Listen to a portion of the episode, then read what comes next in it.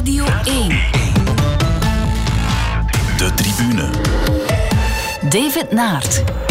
Goedenavond. De verstrengde maatregelen hebben ook een impact op de tribune, want voorlopig kunnen we in onze studio maar één gast ontvangen in plaats van twee. En dus hebben we het onszelf maar gemakkelijk gemaakt door iemand uit te nodigen die over alles kan meepraten. Dag Stefan. Dag David, goedenavond. Zullen we maar meteen beginnen met jouw moment van de week.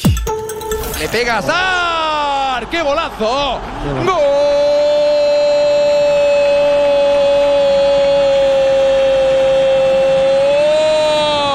Golazo del Real Madrid en el 39.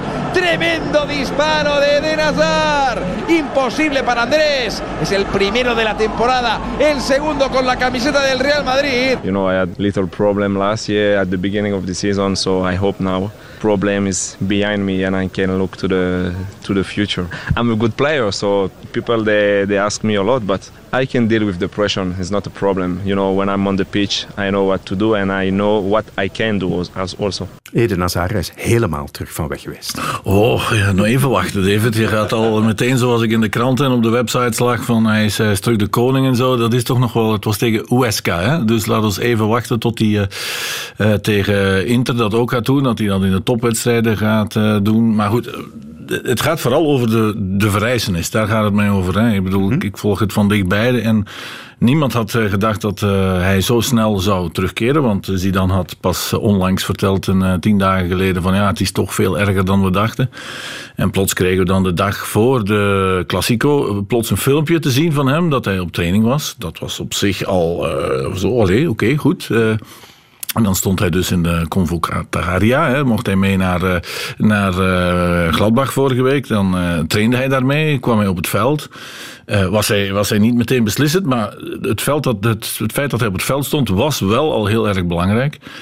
En dan dacht je van, oké, hoe gaat dit nu lopen? Gaat hij nu hersteld zijn om een, om een wedstrijd? Gaat hij tegen Weska weer een paar minuten? Dan krijg je opnieuw de opstelling. Dan staat hij gewoon van in de basis. En uh, ja, hij heeft, het, hij heeft het behoorlijk gedaan. Laat ons nu niet uh, roepen dat Hazard meteen terug is. Daarvoor gaat er toch nog wel wat weken overheen gaan. Maar het was natuurlijk wel een geweldige goal. En het is een goal zoals uh, wij hem wel kennen. Het is nu niet dat hij een, een doelpuntenmaker is uh, die Real Madrid gaat uh, verlossen. Dat gaat hij zeker niet doen. En ook dat doelpunt dat hij nu maakt, zo heeft hij er ook geen 40 gemaakt. Hè. Mm-hmm. Maar de, de manier waarop hij die bal weer aannam, wegdraaide het dreigde naar voren toe. Dat was natuurlijk wel zeer, zeer, zeer hoopvol. En uh, als, als, als, ik dat, dat moment heb gekozen, is natuurlijk omdat we nu, ja goed, we zitten niet in de fijnste periode uh, in ons uh, voetbal. En ja, we hebben nood aan iemand zoals Eden Hazard. Niet alleen wij, maar ook Real Madrid. Dat is heel erg duidelijk. Ja, ja heb, het heeft allemaal erg lang aangesleept, hè? Ja. Diverse blessures. Um, ja heb jij soms gevreesd van, komt dit nog wel wel, goed? Wel, wel, wel, op een bepaald moment dacht ik, wat is er toch, wat zou er nu toch echt meer met die enkel aan de, aan de hand zijn? Toen, toen Zidane zei van, ja, maar het is een spierblessure. Ja, tegenwoordig hebben ze daar een spelletje gespeeld? Ik, ik weet het niet, want dat, het is toch heel raar voor zo'n grote club als Real Madrid. De manier waarop Zidane daar heeft over gecommuniceerd, dat, dat, dat, dat vind ik heel erg raar. Ook, ook in Borussia Mönchengladbach, als ze daar naartoe gingen.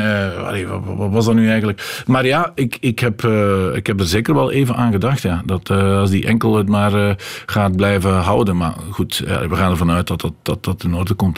Ja, en nu is hij terug op tijd, net op tijd voor de Champions League, waar ze toch een valse start hebben genomen, Real Madrid. En zoals je zei, deze week tegen Inter Milaan.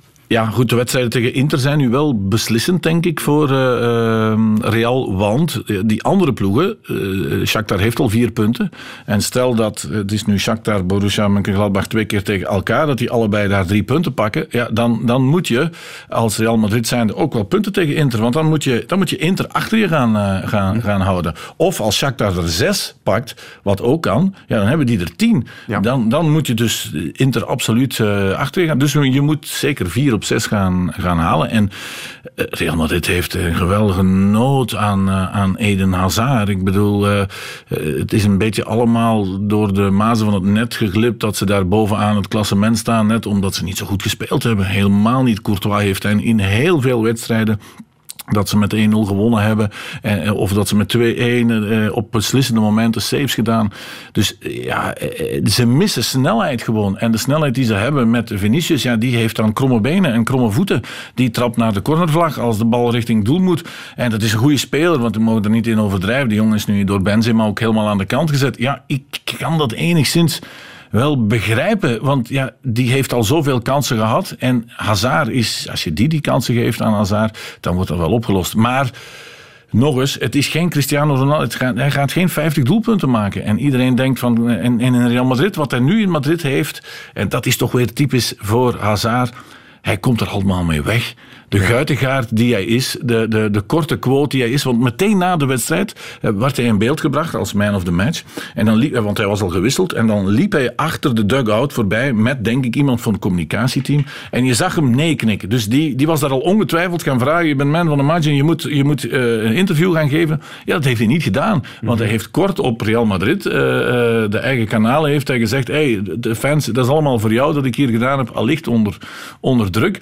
Maar de manier waarop hij dan dat dat doet, dan, ja, er zijn nu eenmaal mensen die je alles vergeeft. En, en voorlopig, ik ken geen voetballer bij Real Madrid die zo matig gepresteerd heeft in anderhalf jaar die daarmee wegkomt. En Hazard voorlopig uh, wel. En dat is, het begin is natuurlijk geweest dat hij zogezegd te dik stond. En dat was ook wel zo, dat dat duidelijk zijn. En aan al die blessures, ja, dat, dat kan hij in C niet aan doen. En nu is het moment gekomen dat hij vooruitgang moet boeken. En laten we hopen dat hij inderdaad vertrokken is. De tribune. Ja, het nieuws kwam gisterenmiddag als een donderslag bij heldere hemel. Jes Torp vertrekt al na anderhalve maand bij Racing Genk. Vanmiddag is hij al voorgesteld als de nieuwe coach van FC Kopenhagen. Ik hoorde vanochtend Peter van den Bemt in zijn analyse in de ochtend. Uh, hij vindt het verkeerd van Torp. Hoe kijk jij daar nu naar, Stef? Um, ik, ik heb het Peter ook laten weten. Ik ga er niet mee, ik ga er niet mee akkoord met wat hij uh, zegt. Ik snap wel dat, dat hij, is er, heeft een contract getekend en hij is er pas uh, net. Dus dan zou je zeggen, vriend, doe waarvoor je engagement hebt eh, aangegaan. Maar, maar stel, stel je eens voor, en ik weet, wij, wij moeten wel een beetje oppassen met eh, neerbuigend te doen over, over Kopenhagen. Hè. Mhm. Kopenhagen heeft nog niet zo lang geleden Club, Club Brugge in de Champions League volledig in de pan gehaakt. Hè. Uh, dus dus uh, dat, dat, dat ten eerste. En stel je maar eens voor, als er een Belgische trainer bij Aalborg zou trainer zijn, en die krijgt de kans om bij Anderlecht of Club Brugge trainer te worden. Wat denk je dat die dan zou doen? Bovendien krijgt hij, een, uh, heb ik begrepen, een veelvoud aan loon ik, kan me voorstellen dat Peter daarover struikelt, dat hij dat het, eh, cynisme uh, vindt. Maar ja, goed, er, is nu eenmaal de kans die hij, die hij heeft. Wat, wat, ik, wat ik wel niet uh, oké vind, ik heb begrepen dat hij niemand gebeld heeft, Torp. Dat hij de makelaars het werk heeft laten doen. Ja, wees dan een grote man. Hè. Ik zou zeggen, als je drie of vier keer meer kan uh, verdienen. En, en je vindt het heel erg dat hij die club in de steek laat. Want dat, dat communiceert hij dan vandaag via de website uh, uh, van, van Kopenhagen. Ja, neem dan de telefoon en bel dan naar de technisch directeur. met wie je dan blijkbaar goed hebt samengewerkt. En bij de club van wie jij dacht: oh, wat een gezellige club is dit. Dat vind ik wel heel, heel, heel minnetjes. Ja, maar dat hij uiteindelijk dan die stap zet, mm, ja, dat, dat, daar kan ik wel enigszins in komen. Ja, en ondertussen zit Genk natuurlijk wel met de gebakken peren. Dit zei de technisch directeur Dimitri de Condé vanmiddag bij de collega's van VTM. In de praktijk ben ik zelf gisteren om uh, half eens middags op de hoogte gebracht dat uh, Jestorp uh, naar Kopenhagen zou gaan. Dus dat was voor mij een complete verrassing. Ik heb hem zaterdag nog een half uur aan de lijn gehad. Ik wist wel dat hij in Kopenhagen zat, maar is helemaal niet over gesproken geweest. Wij waren op, op goede weg, vooral resultaatstechnisch dan, 9 op 9. Dus iedereen voelde zich goed bij Jestorp. En dan is het natuurlijk niet leuk dat je, dat je dit nieuws krijgt. En dat merk ik ook in de spelersgroep deze morgen. Er zijn sommigen die heel kwaad zijn, er zijn anderen die ontgoocheld zijn. Maar wij gaan wel uh, in de volgende 48 uur een beetje oplapwerk hebben om iedereen uh, scherp te krijgen naar zaterdag toe. Ja, oplapwerk in het vooruitzicht van de wedstrijd op Sint-Truiden.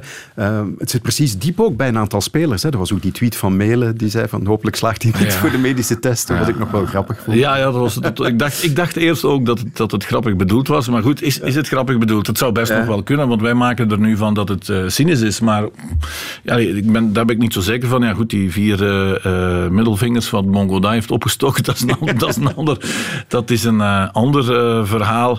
Ja, waarom doen, doen spelers spelers dat als ze in dezelfde situatie zouden terechtkomen, laat ons, laat ons toch duidelijk zijn. Ik bedoel, ze, ze verhuizen nu al voor, voor 500 euro naar een andere club, bij manier van spreken. Dus allee, geld zal een zeker grote rol spelen, maar ik denk dat het prestige als, als, jonge, als, als jong Deens uh, manneke, als je dan ooit trainer zou kunnen worden en je wordt dan ooit trainer van de allerbeste club van het land ja, dan moet je toch wel heel sterk in je schoenen. Hij is, hij is 50 ook ondertussen, dus uh, ik, ik snap ook wel dat die kansen er niet meer zeven keer gaan, gaan komen. Als het zijn doelstelling is om bij de grootste mhm. club in Denemarken te werken, ja, dan was het misschien nu wel het, uh, het uh, moment. En wat ik wel raar vond aan de hele situatie, en ik ben een beetje vreemd dat de Condé dan daar ook niet naar verwezen heeft, hij heeft niet aangedrongen op een, op een assistent. En je ziet toch gewoon dat alle clubs die komen met teams aan. Hè? Niet alleen maar met een eh, T2, maar ook met een, met een physical trainer en zo. Dat had hij allemaal niet bij. Goed, dat had Wolf ook niet. Maar die had wel een, een, eh, een echte eerste assistent bij. Mhm. Die, die overigens uh, de deur uit werd gekeken door, door de spelers. Want dat was een veel groter probleem dan Wolf blijkbaar. Maar dat is er nooit gekomen bij, bij Genk. En ook blijkbaar als, als... Want ik heb er vorige week nog met iemand over gesproken. Ik zeg, komt er nu iemand? Ja, maar Torp is nog altijd aan het uitkijken en, en, en hij wil nog afwachten. Ja, ik vond het wel een beetje raar. Ik bedoel, mhm. in het, in het voetbal van vandaag kom je met een team aan. En hij kwam daar helemaal alleen. alleen. Dus speelde het vroeger? Dat, dat, dat weet ik niet. speelt er ook iets iets familiaals. Dat zou ook uh, best kunnen, dat gaat hij niet communiceren. Maar ja, goed, hij had een beetje groter kunnen zijn. Ja. Maar wat nu met Racing Genk? Want hoe vind je nu op zo'n moment hm. in het seizoen een goede opvolger, een goede vervanger? Ja, het, het voordeel, zou ik durven denken, is ze staan goed in het klassement. Stel dat, dat je nu uh, beneden staat, hè, zoals het heel vaak is als je, trainers, uh, als je van je trainer ontdoet, dan sta je beneden. Dan doe je het niet goed. Dus ze hebben een ploeg met potentie. Dus als er nu een wat, wat, wat, wat betere trainer. Eh, ik, ik moet hem in het buitenland gaan zoeken. Ik denk niet dat ze opnieuw naar, naar Verkouteren uh, gaan. Dat, eh, dat is op een sisser afgelopen. Dus de, die, die mm had geen zin. Dus dat is 39 dagen later zal dat ook niet echt zijn. Goed, dan, dan, wie is er dan over? Dan, dan heb je nog Van Azenbroek. Maar goed, die, die zal, die, daar zal Gent, Gent ook al naar gesolliciteerd hebben. Dus je zal misschien nu naar een buitenlander moeten gaan. En die buitenlander is misschien van een hoger niveau iets makkelijker te overtuigen. Als die nu ziet dat hij bij een een club terechtkomt die wel top 4 kan spelen. Want dat kan Racing Genk, zeer zeker. Dus dat vind ik een andere situatie om, om, om mogelijk een topper te halen. Wat wel een probleem zal zijn, is dat ze die niet uh, kunnen betalen.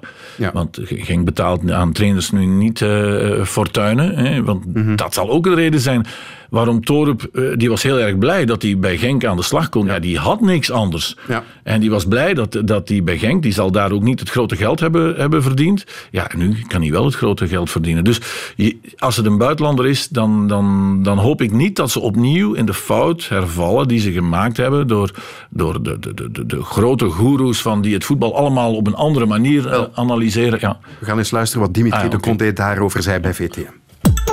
Er zijn wel wat namen die, eh, die nu terug op tafel gaan komen. Dus ik ben nu alles terug aan het oplijsten. Morgen vroeg zitten wij eh, samen op bestuurlijk niveau en, eh, en dan gaan we erin vliegen. Wat, wat we misschien wel ehm, geleerd hebben in de geschiedenis van de club. Um, als je ziet de trainers die het hier goed hebben gedaan, dan denken we ook een Nemean Teunis destijds.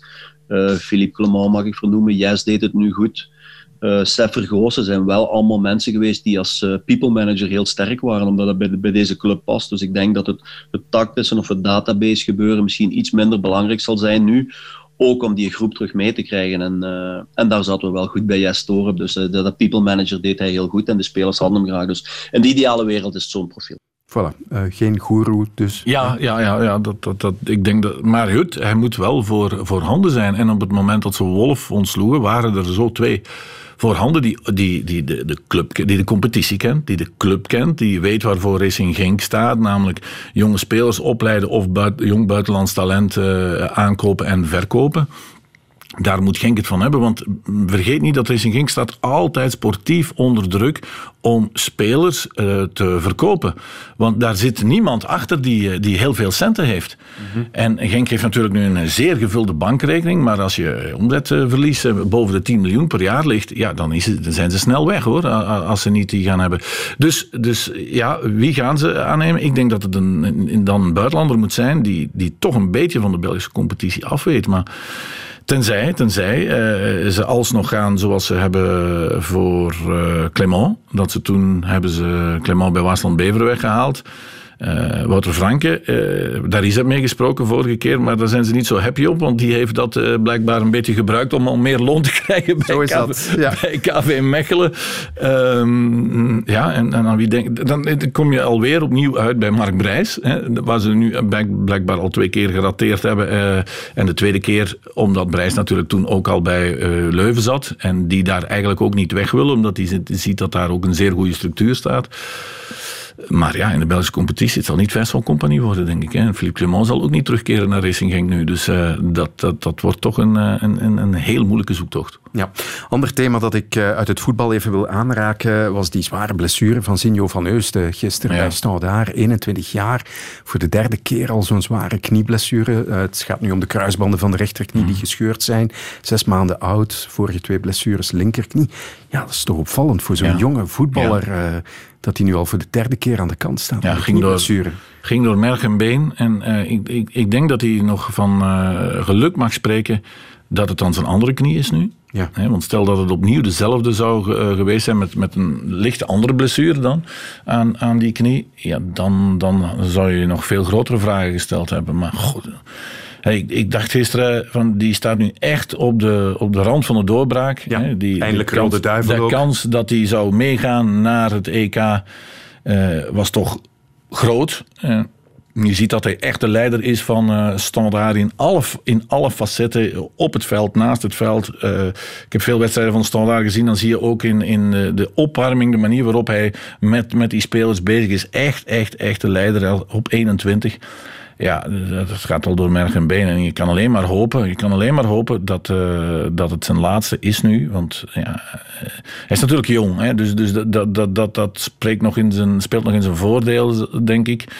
Maar um, ja, het, het wordt, het EK halen is al, is al onmogelijk nu, uh, denk ik. Want ja, goed, ja, zes maanden. Ja, geen wedstrijdritme. Ja, ja, ja, maar zes maanden met, met een kruisbandblessure. Ja, hoe, lang duurt het, hoe lang duurt het dan eer je terug bent? Dus het zal volgend seizoen zijn voor, uh, voor Zinho. Ja. En het was toch net belangrijk, omdat we zeker in de verdediging bij de ja, Rode Duivels toe zijn aan wat verjonging. Oh ja, zeker. Ja, daar, daar, daar, zitten we toch naar te, te snakken. En we denken altijd als Vertongen, Vermalen, Compagnie is nu al weg, dat daar de grote nood zit. En die zat er eigenlijk al in 2016 in de wedstrijd tegen Wales. Dat was vier jaar geleden.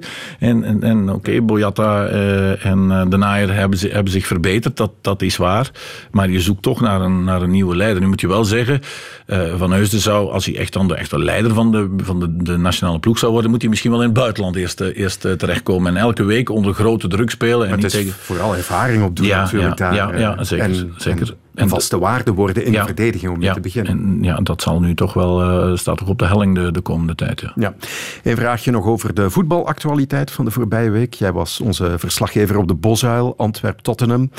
Hoe schatten we dat nu in? Hoe moeten we dat inschatten? Ja, dagen? ik vond, ik vond echt heel, ja, ik vond het echt heel, heel sterk. Want we hebben, we hebben donderdag de hele dag Club Brugge de lof bezongen dat ze tegen uh, um, toch grotendeels de B-ploeg van Lazio, Lazio hebben, ja. hebben gespeeld. En Philippe Clement had het over de beste wedstrijd, uh, Europese wedstrijd onder zijn bewind. Enfin, dat is ook nog maar anderhalf jaar. Maar goed, ik, ik dacht toen, ja, ik heb die wedstrijd gezien. De eerste helft vond ik nu mm, van Brugge toch, toch niet, niet, niet de best.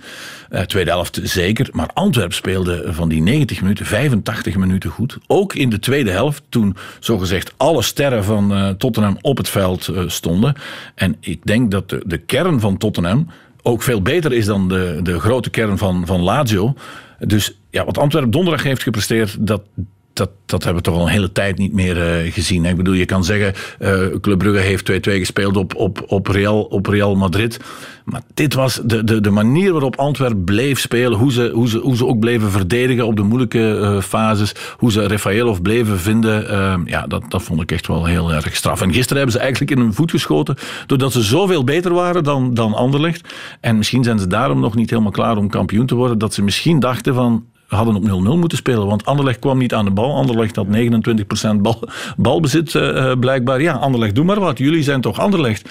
En Leko gaat echt uit van zijn, zijn systeem dat hij denkt, wij zijn beter, we gaan hier proberen te winnen. En ja, daar zijn ze nu gisteren wel even koud op gepakt, ja. De tribune. Mijn gast vanavond is sportza-collega Stef Wijnands. Zullen we het even hebben over het amateurvoetbal, want dat ligt nog stil tot zeker begin volgend jaar. Dit is Mark van Kraan, de voorzitter van Voetbal Vlaanderen. Oké, ze beslist dat wij de competitie tot eind 2020 zeker al stopzetten. Dat wij ten vroegste zullen herbeginnen vanaf de week van 4 januari. Uh, met de competitie.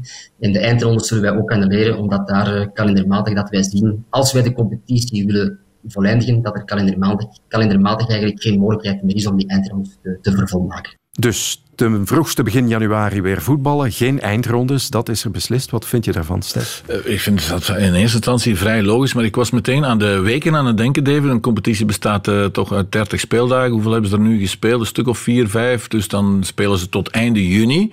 Hè, uh, wat ik op zich wel oké vind, want ik vind al jaren, jaren dat die provinciale en de amateurcompetities veel te vroeg gedaan zijn. Die zijn, die zijn soms half april al voorbij. En, en ik denk, wat, wat is er dan aan de hand om niet te spelen tot half, tot half juni bij manier van spreken. Maar goed, ik snap al, dan moeten er eindrondes gespeeld worden en jeugdtoernooien. Um, dus uh, wat dit betreft, uh, denk dat het de logische beslissing is om de amateurclubs nu een perspectief te geven dat ze dit jaar niet meer uh, gaan spelen. Um, dat die ook zich niet meer in kosten moeten steken. Want vergeet niet, heel veel van die kleine clubs, als die de, zoals die de voorbije weken hebben moeten werken, ja, sorry, dat is, dat is niet uh, haalbaar. Eerst moesten de kleedkamers uh, dicht, dan mochten de kantines nog open. Goed, ik zit ook kort in een provinciaal clubje. Ja, maar dat, dat werkt niet. Ik bedoel, want daar zijn alle inkomsten, dat, die komen net van, van de kantine. Van de kantine. Ja. Dus, en als daar dan blijkbaar niemand binnen mag, of ook niet goed binnen mocht, want ja, dat, dat werkt dan ook allemaal niet. Dus dat is zeker goed dat ze nu kunnen zeggen: we hebben geen kosten. Ze moeten geen spelers betalen, ze hoeven weinig elektriciteit te betalen, ze moeten de velden niet onderhouden. Dus dat is allemaal uh, geminimaliseerd nu, die, die kosten. En uh, ja, ik denk zelfs dat 3 of 4 of 10 januari dat, dat we daar dan nog niet uh, uit zijn. Er zijn natuurlijk wel twee grote problemen nu. Eén, dat is de bekercompetitie. Hè, want daar zeggen ze, ja, later gaan wij daarover communiceren. Want er zitten toch nogal wat ploegen van eerste en tweede amateur in die bekercompetitie. Mm -hmm. En eerste amateur, daar wordt nooit over gecommuniceerd, omdat die vallen ertussenin. Want die hebben vijf profs, die moeten vijf profs hebben om later aan de licentie van de Pro League te kunnen uh, voldoen. Maar, dat zijn geen, maar, maar die vallen niet bij die, bij die amateurs.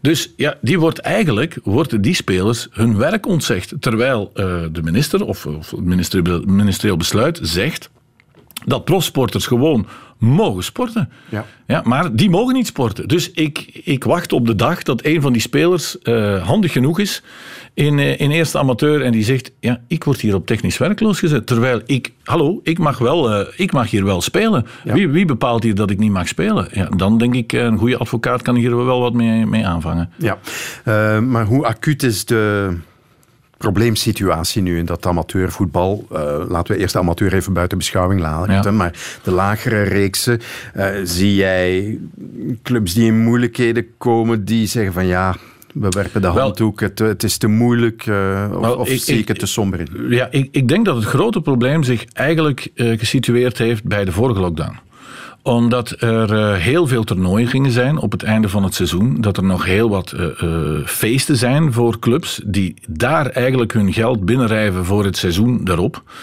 Um, want je moet weten, er worden lidgelden betaald aan het begin van het seizoen. Die hebben ze nu allemaal eigenlijk gekregen, al die clubs. Maar die lidgelden zijn meestal op als het januari, februari is. En dan schakelen ze over naar nog meer eetavonden, nog meer spaghettiavonden, nog meer steekavonden. Ja, die hebben ze dus de voorbije tijd ook niet uh, meer kunnen doen. Dus de kassa was eigenlijk al vrij leeg toen het seizoen uh, begon. Dan hebben ze door die lidgelden hebben ze nu wel wat geld gekregen. En ze moeten nu wel geen spelers uh, betalen. Dus ik denk dat, dat, dat, dat het nog wel zal meevallen. Dat denk ik, hoe langer het ook duurt dat ze niet spelen, ja. hoe, beter het zal, hoe beter het zal meevallen. Uh, dus, dus er moet echt terug volk komen. Dus misschien moet je ook durven zeggen, we spelen maar vanaf maart en we spelen dan één ronde van de competitie. Ja. 15 wedstrijden als je met 30 ploegen bent, of, of uh, uh, met 16 ploegen bent, of, of 17 als je met 18 bent. Dan, dan, dat zou misschien uh, wel nog kunnen. Maar ja, je kon nog ook niet met die jeugdwedstrijden. Je moest je, je moest je kind gaan afzetten. En dan, uh, dan mocht je eerst nog in de kantine, daarna niet meer in de kantine. Ja, dan moest je dus in de auto gaan, gaan wachten. En met de temperatuur die er nu aankwam, was onmogelijk. Oké. Goed, het profvoetbal dat houdt zich voorlopig overeind. Ook in de hoogste klasse van het volleybal wordt er weer gespeeld. En eind deze week begint de competitie in het basketbal. Maar wedstrijden spelen zonder publiek, dat ligt niet voor de hand. Dat zegt Marie de Klerk, de manager van basketbalclub Oostende. Dit seizoen ehm, gaan we moeilijk overleven als we geen steun krijgen. Hè. Dat voelen we. We zijn ook aan, uh, op verschillende manieren aan het proberen om steun te krijgen vanuit de overheid dan. Is het lokale overheid of is het de uh, Vlaamse overheid? Um, omdat we ja, anders een heel, heel moeilijk jaar tegemoet gaan. Basket is een kleinere sport. Die hebben ook geen inkomsten zoals de voetbal, um, de televisierechten. Hè. Problemen dus in het basketbal, zelfs bij een topclub als Oostende. En hoe zit het dan in die andere traditionele zaalsport in ons land, het volleybal? Dirk Spessenier, goedenavond. Goedenavond. U bent eh, manager en financieel directeur van Roeselare. Eergisteren nog mooi gewonnen tegen Mazeik na een uh, leuke wedstrijd. Maar ja, vertelt u eens, hoe moeilijk is de situatie op dit moment in het volleybal? Uh, de situatie is momenteel zeer moeilijk in het volleybal. Um, er zijn verschillende problemen die wij ervaren. We hebben voor eerst min, minder inkomsten en meer uitgaven. Ik ga me nader verklaren. We hebben geen catering meer. We hebben geen inkomsten uit drank meer. We hebben geen inkomsttickets meer. Maar zoals zaterdag moeten wij wel extra middelen vrijmaken om de wedstrijd volledig te kunnen livestreamen. Dat kost al ja, vast een paar duizend euro. Dus uiteindelijk hebben wij aan de ene kant geen inkomsten en aan de andere kant meer uitgaven. Daarnaast hebben wij ja, in vergelijking met uh, andere sporten zoals het voetbal, minder ploegen. Dat mm-hmm. betekent, als er een paar ploegen onderuit zouden gaan in deze coronacrisis, ja, wij zijn nu met acht. Uh, als wij met zes zijn, dan wordt dat moeilijk. Dus het is zo dat alle ploegen moeten overleven in deze coronacrisis. Hoe moeilijk het voor iedereen ook zou kunnen zijn. Dus het is belangrijk dat wij ook gemeenschappelijk proberen elkaar te helpen om uit deze crisis te geraken eigenlijk. En hoe doen jullie dat dan, die, die solidariteit? Eh, wat kunnen we ons daarbij voorstellen? Wel, ik denk dat wij proberen als wij wedstrijd live uitzenden, proberen wij afspraken te maken met, met de andere ploeg. Proberen wij te kijken waar er gemeenschappelijke opportuniteiten kunnen liggen voor sponsors. Uh, daarnaast hebben wij de Liga, uh, waar dat wij met alle voorzitters nu de laatste weken samen zitten om te kijken welke maatregelen wij moeten nemen om het volleybal te laten overleven in België. En dat kan gaan van testprotocols die uitgewerkt worden tot eventueel misschien financiële maatregelen die gaan moeten getroffen worden in het kader van corona, waarbij dat we gaan misschien moeten zoeken naar oplossingen om bepaalde zaken draagbaar te maken voor clubs. En wat zou dat dan kunnen zijn? Uh, een initiatief van, van de overheid, zoals men dat in het basketbal eigenlijk ook vraagt? Absoluut, absoluut. Ik denk dat wij wat betreft de stad eigenlijk niet mogen klagen. De stad Roeselaar helpt ons waar zij kunnen. We hebben een enorm korte lijn met de stad. Uh, zij kijken dat wij de mogelijkheid hebben om te trainen, om te kunnen spelen. Zij zorgen ook dat wij betrokken worden in de relancemaatregelen na corona die, die gelanceerd worden. Ze helpen enorm veel verenigingen. Maar naar de overheid toe hebben wij echt wel een enorme vraag. Wij hebben geen, op dit moment geen forum. Ik, ik denk daarbij maar aan cultuur. Op het moment dat er bepaalde maatregelen getroffen worden waarbij dat de cultuur niet meer kan optreden, mm. dan krijgen wij onmiddellijk gesprekken tussen cultuur en overheid. In sport heb ik dit nog niet gezien. Terwijl dat wij moeten trainen, spelers betalen, wij moeten effectief ook optreden. Wij, hebben wedstrijden, mm-hmm. maar we hebben geen inkomsten.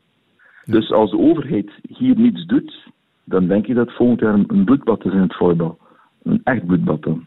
Ja, en hebt u bijvoorbeeld al contact gezocht, uh, ja, ik zeg maar iets met Ben Wijts, uh, Vlaams minister van Sport, om dit aan te kaarten? We hebben op dit moment nog geen contact gehad in verband met eventuele relancemaatregelen en financiële tegemoetkoming. Er zijn al tegemoetkomingen geweest van het uh, kabinet van Wijts voor de Volleybalbond, maar die gaat dan vooral gespreid worden over alle clubs in België en niet specifiek naar de prosport. Mm -hmm. Het enige contact dat wij op dit moment hebben met het kabinet van minister Wijts is met het testprotocol, waar wij heel dankbaar zijn dat we mogen spelen. Maar het is veel te weinig op dit moment. Wij moeten veel meer steun krijgen. Eh, voetbal heeft veel meer inkomsten dan wij en krijgt een veel groter forum om zijn beklag te maken over het feit dat zij uh, minder inkomsten hebben. Wij hebben op dit moment geen forum. Er is niemand die, jullie zijn de eerste, niemand die geïnteresseerd is in hoe verhaalt het volleybal. Wat zijn de problemen in het volleybal? Wat gaan zij doen in de toekomst? Welke middelen hebben ze niet meer? Er is niemand die erin geïnteresseerd is op dit moment. Men kijkt allemaal naar het voetbal en alle aandacht gaat naar daar, terwijl dat er, en spreek over volleybal, dus de, club, dus de sport met het tweede meest aantal aangesloten leden in Vlaanderen, mhm. qua teamsport, dat wij echt wel nood gaan hebben aan een forum om daar te kunnen over spreken. Ja, uh, u zei daarnet dat u een, een, bloedbad vreest in het volleybal als er uh, niet gauw een initiatief wordt genomen. Ja, weet u hoe moeilijk het voor sommige clubs is om zelfs nu te spelen, om, om dat te kunnen betalen? Um, als gerekend dat het, de testen alleen in veel clubs uh, misschien 20.000 euro gaan kosten dit jaar. Als je weet dat wij het hoogste budget hebben, of samen met Mazeik het hoogste budget hebben, en dat wij nu op dit moment vrezen om minder inkomsten te hebben tussen, van tussen de 300.000 en de 500.000 euro, mhm. maar meer kosten. En als je weet dat die kleine clubs, eh, dat gaat procentueel gaat dat voor ons over ja, 20% of zoiets van het budget dat we kunnen missen. Maar er zijn clubs die, die bij wijze van spreken maar een budget hebben van 200.000 euro of 300.000 euro. Als daar dan 20.000 euro kosten bij komen en die hebben nog een keer minder inkomsten, dat is fataal voor dergelijke clubs. Dat is echt fataal voor dergelijke clubs. Terwijl het voor ons al dit jaar een, een zeer zwaar deficitair jaar gaat worden. Hè. Als wij rekenen op tussen de 300.000 en 500.000 euro minder inkomsten door entrees, catering en drank, dan moet ik niet vertellen dat we dat niet op overschot liggen hebben. Ja. Maar toch is het belangrijk voor jullie dat jullie kunnen spelen. Ja, dat is het allerbelangrijkste, omdat ik zeg, 80% van onze inkomsten zijn afhankelijk, komen van sponsors. En voor hen is het zeer belangrijk dat we blijven spelen. We mogen blijven dat we die, die trouwe sponsors hebben. Hè. Moesten we die niet hebben, dan moeten we onmiddellijk stoppen. Maar we hebben die mensen en we willen ook nog altijd een stuk return geven voor die trouwheid dat zij hebben. Het is ongelooflijk na het seizoen hebben zij allemaal eensgezind gezegd, we doen verder. Er zijn bepaalde sponsors die zelfs verhoogd hebben in coronatijden. Dus voor die mensen moeten we het doen. Ook voor onze spelers moeten we het doen. Ik bedoel, een speler, een volleybalspeler, die heeft een carrière van 15 jaar. Dat is al lang. Die verdienen niet zoals in het voetbal, die verdienen een, normaal loon. Zoals, wij dat wij, zoals iemand die gaat gaan werken. Ik bedoel, daar heb je ook verschillen in.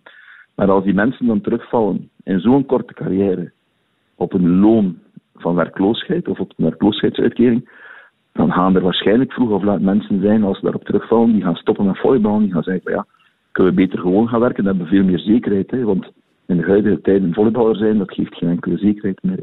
Ja, het is een somber verhaal, moet ik zeggen, maar uh, ik hoop toch dat uw oproep gehoord wordt en uh, dat dat forum uh, waar u om vraagt, dat dat er dan toch snel zal komen.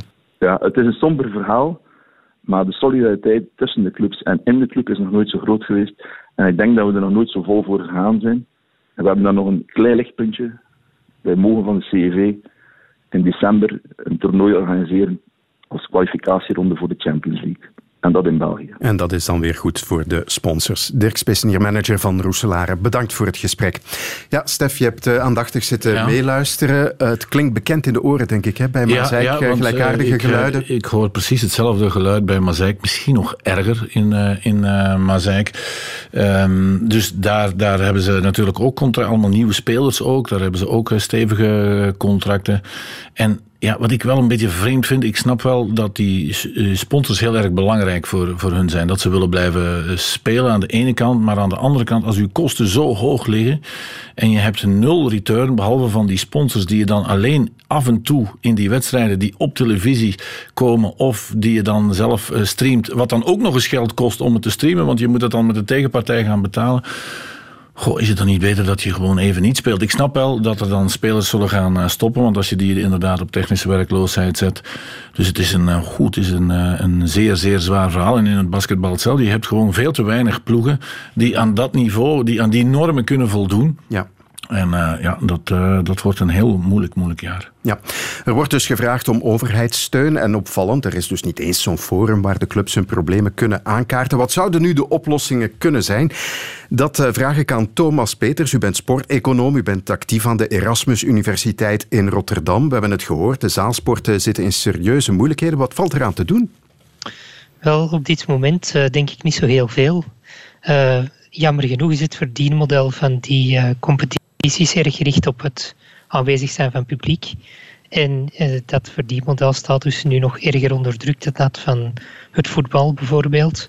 Omdat we hier dus geen tv-rechten hebben en het zijn net die tv-rechten die nog zorgen voor een, uh, een bron van inkomsten bij het voetbal, waar die zaalsporten eigenlijk, um, ja, eigenlijk hogere kosten oplopen door een wedstrijd te spelen dan dat ze er inkomsten uithalen, vermoed ik op dit moment.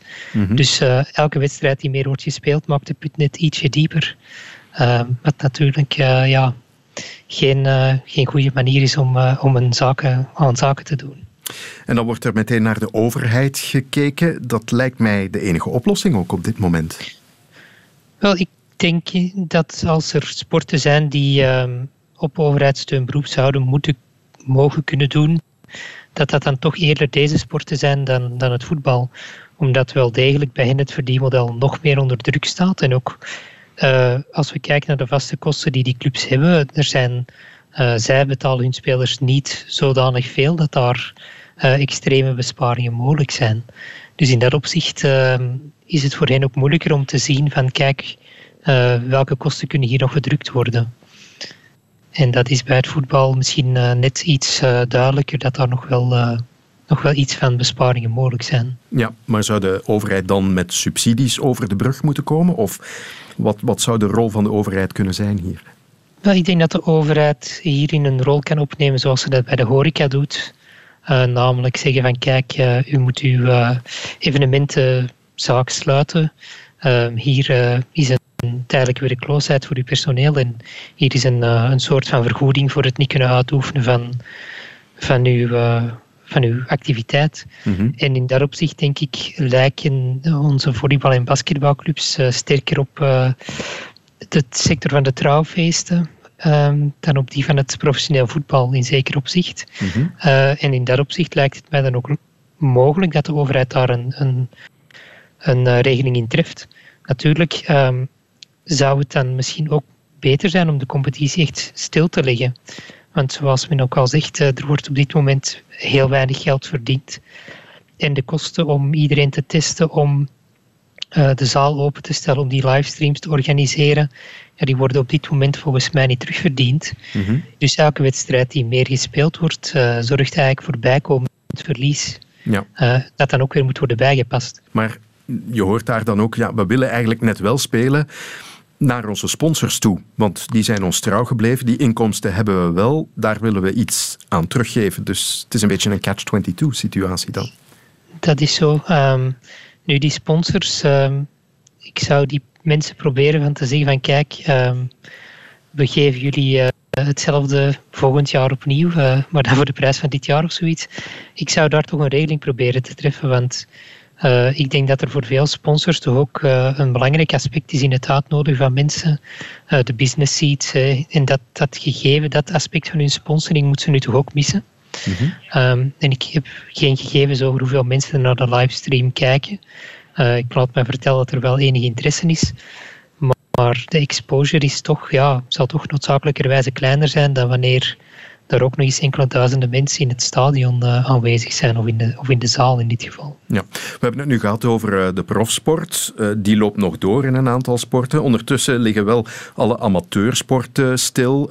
dat amateurvoetbal bijvoorbeeld, maar ook vele andere sporten, die spelen een belangrijke rol ook in het maatschappelijk weefsel. Het lijkt mij onvermijdelijk dat dat hier beschadigd zal uitkomen. Bent u het daarmee eens?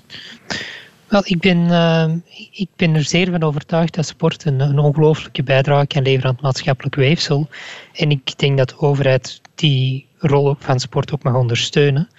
Maar ik heb het wel moeilijker uh, met het idee dat amateurvoetbal dan voornamelijk in België uh, door semi-profs wordt gespeeld, die eigenlijk met hun loon van de eerste ploeg zwaar wegen op het budget van vele van onze amateurclubs. Mm -hmm. Dat vind ik eigenlijk een situatie waarin de overheid dus terughoudend mag zijn om die situatie overeind te houden. Ik heb het zeer moeilijk met het idee dat uh, mensen die uh, de wafelbak en de kaas- en wijnavond en de quiz van de amateurclub organiseren, dat die dat in feite doen om, om de lonen te betalen van die semi-profs. Ik heb uh, zeer veel sympathie voor amateursport als ze amat door amateurs wordt uitgeoefend. Mm -hmm. um, maar dat is denk ik in ons voetbal jammer genoeg niet altijd zo. En ik denk dat eigenlijk de overheid niet echt uh, zich geroepen moet voelen om, om dat nu overeind te houden. Wat ze wel zou moeten doen is, uh, maar dat doet ze ook al, is clubs ondersteunen bij een jeugdwerking, clubs ondersteunen bij een uh, wijkwerking, clubs ondersteunen bij, bij dat soort van initiatieven. Ik denk dat daar ook wel de overheid zeker op, op lokaal niveau al, al een rol speelt. Dus ik denk, in, in dat opzicht ben ik naar de amateursport zeker. Uh, ondersteun die maar. En zeker in hun sociale rol. Maar toch oppassen om, om niet te veel dat soort van circuit in stand te houden, denk ik. Ja, en dan rest ons natuurlijk het profvoetbal. Verwacht u daar ook problemen? Kunnen er clubs omvallen? Ook al is dat profvoetbal qua financiering rijkelijk bedeeld al vergeleken met de andere profsporten? Het zou zeker kunnen dat onze, onze, club, eh, onze topclubs uh, zich miskeken hebben in de duur van deze crisis. Uh, en in dat opzicht is corona voor het voetbal denk ik vooral een probleem van cash. in de zin van, er is op lange termijn geen probleem met de financiering van ons voetbal, maar op korte termijn zijn er nu verplichtingen die moeten worden voldoen aan spelers voornamelijk dan, waar misschien nu op dit moment geen cashgeld voor voorradig is in de club kunnen onze clubs uh, dat aan? Ik zou denken, uh, sommige wel. Uh, zeker als er vanuit UEFA wat meer toegeving zal gebeuren richting financial fair play, waardoor bepaalde eigenaars die toch redelijk kapitaalkrachtig zijn, de clubs kunnen helpen met dat cashprobleem. Mm -hmm.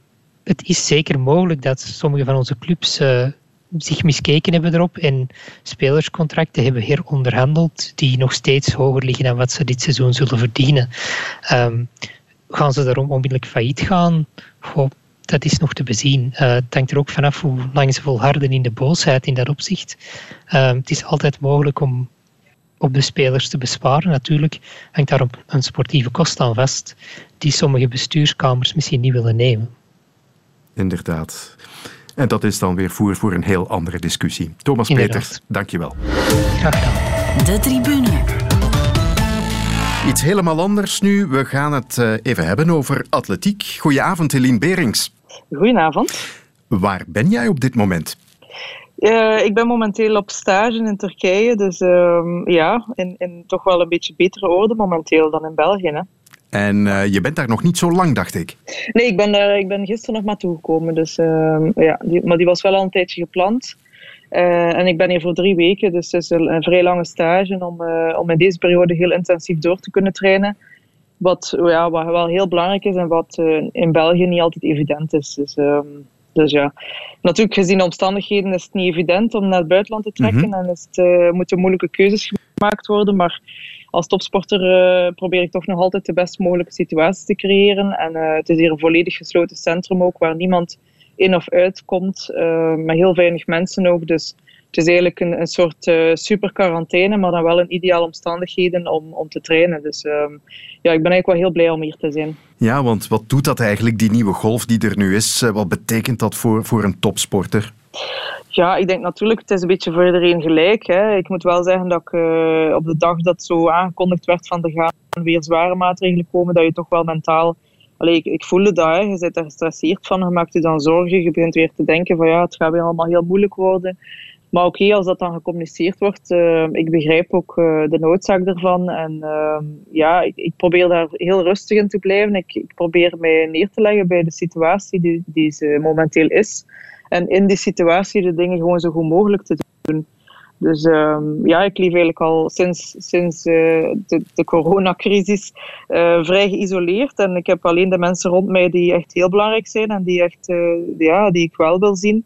En voor de rest probeer ik gewoon goed te trainen en als prof te leven. En, um, en ja, daar ook niet te veel mee bezig te zijn eigenlijk. Ja, je besliste na het uitstel van de Olympische Spelen om nog een jaartje toe te voegen aan je carrière. Hoe gaat het nu met jou? Ja, het gaat op zich heel goed. Dus ik ben heel goed aan het trainen en uh, ik, voel me, ik voel me heel goed, uh, heel gemotiveerd ook terug. En ik heb heel veel, heel veel zin in het volgende seizoen. Alleen natuurlijk, ja, je voelt, alles is wel anders dan anders.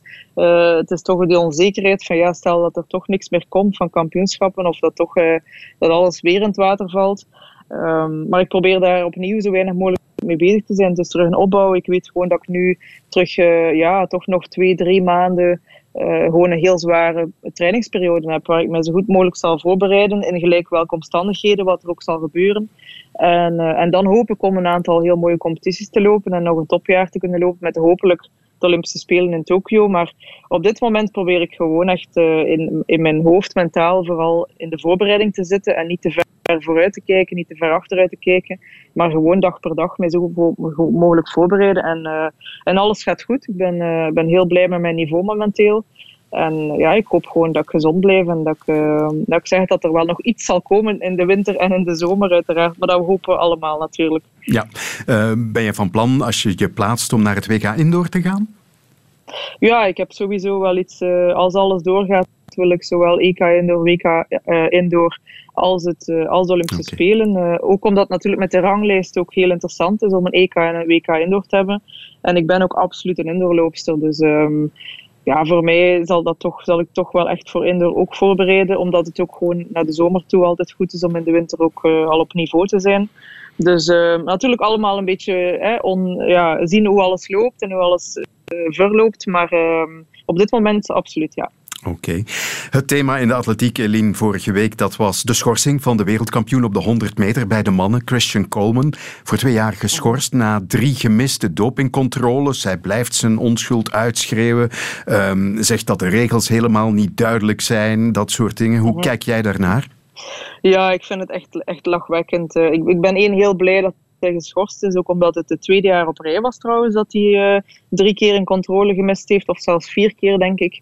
Um, ik moet zeggen, ik vul die whereabouts al in zo, zolang ze bestaan. Dus ik heb er heel veel ervaring mee. Ik word uiteraard misschien minder getest als zo'n high-profile, uh, al verdachte persoon als Coleman. Maar dan nog, uh, het is een heel eenvoudig systeem. Je hebt een app, je hebt een computersysteem. Het is eigenlijk gewoon een agenda invullen en die up-to-date houden. Dus atleten die verkondigen dat het heel moeilijk is, um, ja, daar, daar lag ik een beetje mee. Uh, iedereen kan het eens vergeten, maar de kans dat je het vergeet en op dat moment de controle krijgt en dat dat dan drie keer na elkaar gebeurt, die is naar mijn mening echt onbestaande. Dus um, er is zeker meer aan de hand. Um, of, hij, of hij ontliep en gedopeerd is, of hij is gewoon heel arrogant en, en denkt dat hij dat niet moet doen, dat weet ik niet. Maar het, het, het hoort bij ons, uh, bij ons beroep. Iedereen doet het. Het is een belang van een, van een clean sport. Dus atleten die zich daar blijkbaar niet aan kunnen houden, die hebben wat mij betreft absoluut geen plaats in, uh, in atletiek. Dus uh, het is jammer uit. Het is weer ja. een, gevallen, een gevallen held in, de, in atletiek. Het, het ondermijnt weer de prestaties, zeker op de 100 meter sprint, um, wat al geen goede geschiedenis heeft. Dus ja, het is, het is heel jammer. En ja, ik het is geen reclame voor de sport, maar tegelijk ben ik blij dat ze er toch wel uitgaan op die manier. Ja, en gelukkig voor de atletieksport is er toch een grote ster opgestaan hè? afgelopen seizoen met Mondo Duplantis. Dus dat, dat ja, maakt de impact misschien ietsje kleiner, want vroeger ja, zou het kotte klein geweest zijn, hè? de wereldkampioen 100 meter ja, geschorst. Ja, ik denk ja. het, maar ik moet eerlijk zeggen, ik, ik heb wel een beetje het gevoel dat rond zo'n Coleman, dat er wel al een beetje een een wolk rondhing en dat er toch wel, naar mijn gevoel is het ook nooit een superster geweest die, die, die een Bolt is of daarvoor een Safa Powell of dergelijke figuren in de sprint. Um, ik vind ook, het is absoluut geen mooie sprinter. Hij is zeer, uh, ja, het is een beetje een, een meer een Ben Johnson type, hè? zeer uh, opgefokte sprinter. En ja. het is niet met, hij past voor mij niet helemaal in de, hoe de sprint geëvolueerd is, hoe de sprint technisch geëvolueerd is. Dus ik, ja, ik denk niet dat het echt een held is die wegvalt, want hij had die status naar mijn gevoel nog niet. Maar, uh, maar inderdaad, het is goed dat een, een type van een Mondo bijvoorbeeld, uh, ja, zo van die geniaal atleten, het is dat dat we nodig hebben. Die atleten die echt gewoon outstanding zijn in de manier van uitvoeren en hoe dat ze de sport brengen. Um, ook wel een interessante figuur om te volgen, vind ik. Dus uh, ja, dat is veel beter dan zo'n type Coleman die die de kantjes er vanaf loopt en dan ook nog rare verhalen vertelt daar rond. Dus uh, nee, ja. ik denk dat we beter helden kunnen hebben dan, uh, dan hem. Ja. Goed, dankjewel Enine Berings om even aan de lijn te komen vanuit Turkije. Ik wens je nog een uh, erg goede drie weken durende stage daar. En we kijken er naar uit om je dan weer op de piste in de wedstrijden hopelijk aan het werk te zien in het nieuwe jaar. Dank u wel. Tot binnenkort. De tribune. Radio 1. Bij mij in de studio nog altijd Stef Wijnands. We hebben nog een paar minuutjes om het over zwemmen te hebben, Stef. Dat is nog een van die sporten die jij volgt. Mhm. En uh, meer bepaald de figuur van Valentine Dumont. Het is een beetje tussen de plooien gevallen misschien bij het grote publiek, maar die heeft een goede maand oktober gehad. Met drie Belgische records, weliswaar in klein bad, ik weet het. Maar mogen we haar een lichtpunt noemen in de Belgische zwemsport? Een welgekomen lichtpunt. Je mag dat een lichtpunt noemen, want voor de rest is het uh, duister uh, op Roos van Oost Otterdijk na uh, zeer, zeer, zeer, zeer groot. Dus ja, zij heeft sterk gepresteerd. Die 4-0 is, is, een, is een goede tijd. Is vooral een goede verbetering van haar record. Ik heb even gekeken, dat is de 28ste snelste tijd ooit. Hè, op, maar het is Klein Bad, dan moet je weten, niet alle grote figuren die doen mee aan, het, aan Klein Bad. Uh, haar Belgische record op het uh, grootbad is 4.09 en ze moet wel 4.97 gaan zwemmen om de limiet te halen. Op de, we spreken over de 400 meter. Uh, als je dat haalt, ja, dan, dan ben je top 15 van de wereld, kan. Maar dan zwem je geen Olympische uh, finale. Want je weet, 400 meter is meteen finale zwemmen. Dus dat is, geen, is geen halve finale meer, uh, meer in. Dus ze kan naar de, naar de Spelen gaan. Zou voor haar natuurlijk nu wel een enorme opstap zijn. En ook voor het uh, Belgisch zwemmen, zeer zeker. Want er is niemand meer. Hè. Buis twijfelt nog of ze het wel zal redden naar volgend jaar. Timmers is gestopt, dus we hebben voorlopig alleen Lecluze en Kroenen. En goed, bij Kroenen weten we ook niet eh, waar dat zal stranden. Die van Otterdijk heeft zeker uh, mogelijkheden. Dat is uh, een jong meisje op die 100 vlinder op die leeftijd is zeer, zeer, zeer, zeer straf. Mhm. En als ik Ronald Gaastra mag geloven, dan zit er heel wat vooruitgang in. Dus daar moeten we op hopen. En Dumont, ja goed, zij is, zij is, zij is 20, zij studeert geneeskunde. het, is, het is een dame die weet wat ze wil. het heeft er altijd wel een beetje ingezeten, want ze is al Europees kampioen geweest. Ook een klein bad, drie jaar geleden. Uh, en ondertussen, want dat is misschien ook een beetje door de mazen van net, heeft ze wel al zeven Belgische records. En zowel op, op, ook op de lange baan, het grootbad 100 meter, 200 meter en 400 meter vrij.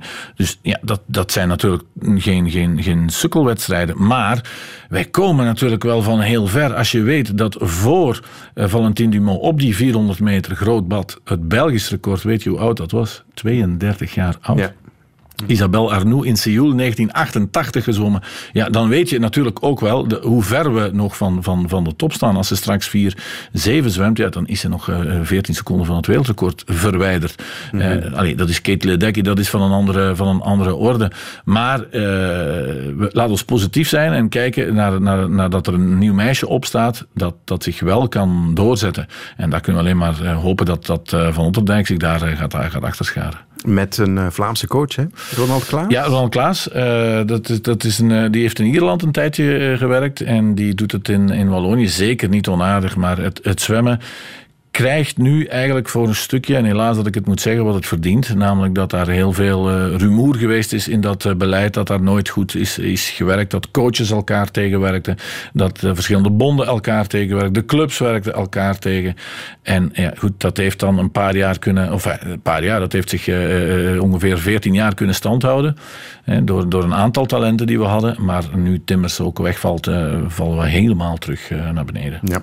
En daarmee zijn we al bijna klaar met deze aflevering van de Tribune. Stef, de slotvraag. Waar kijk jij deze week nog naar uit op sportief gebied? Het is uh, weer Europees voetbal. Hè. Het is uh, eerst Champions League en dan Europa League. Wanneer gaat u even eindelijk beseffen dat ze eerst Europa League moeten spelen en dan Champions League? Want dan bouwen we de kwaliteit in de week uh, Eerst het voorgerecht, dan ja, het hoofdgerecht. Maar, maar goed, laten we toch maar snel naar Eden Hazard kijken. Zeker en naar Kevin De Bruyne en hoe het daarmee gaat. Oké, okay. dankjewel Stef Wijnands. Dit was de Tribune. Volgende week zijn we er weer met een nieuwe aflevering.